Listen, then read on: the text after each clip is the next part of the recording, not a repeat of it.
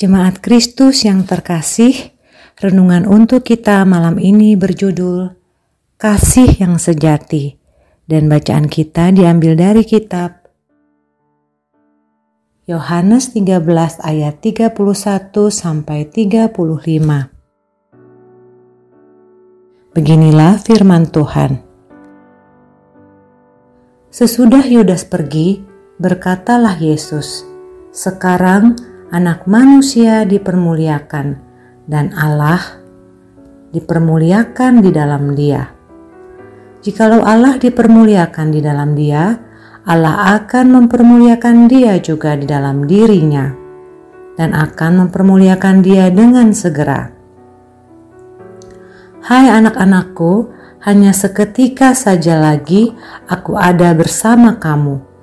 Kamu akan mencari aku, dan seperti yang telah kukatakan kepada orang-orang Yahudi, ke tempat aku pergi tidak mungkin kamu datang.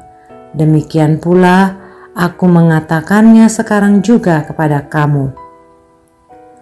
Aku memberikan perintah baru kepada kamu, yaitu supaya kamu saling mengasihi. Sama seperti aku telah mengasihi kamu, demikian pula kamu harus saling mengasihi.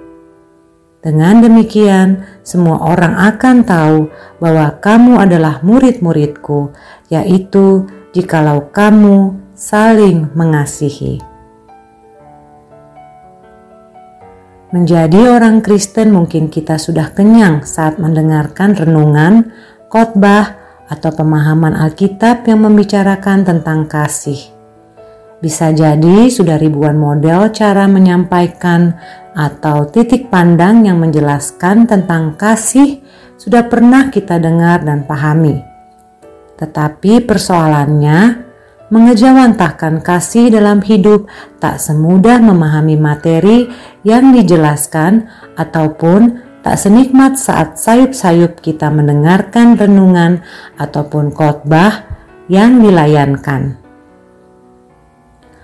Ada banyak hambatan, baik dari luar ataupun dari dalam diri kita, yang menolak menyatakan kasih. Namun, sebaliknya, kita mungkin menjadi seseorang yang paling haus untuk mendapatkan kasih. Tanpa sadar, kita ada dalam sebuah cara hidup yang sangat selfish. Pertanyaannya, apakah benar mengasihi menjadi sulit? Ya, bila kita hanya ingin menerima namun tak ingin memberi. Kita hanya menunggu namun tak memiliki inisiatif. Dan saat kita hanya mau didengar namun tak mau mendengar.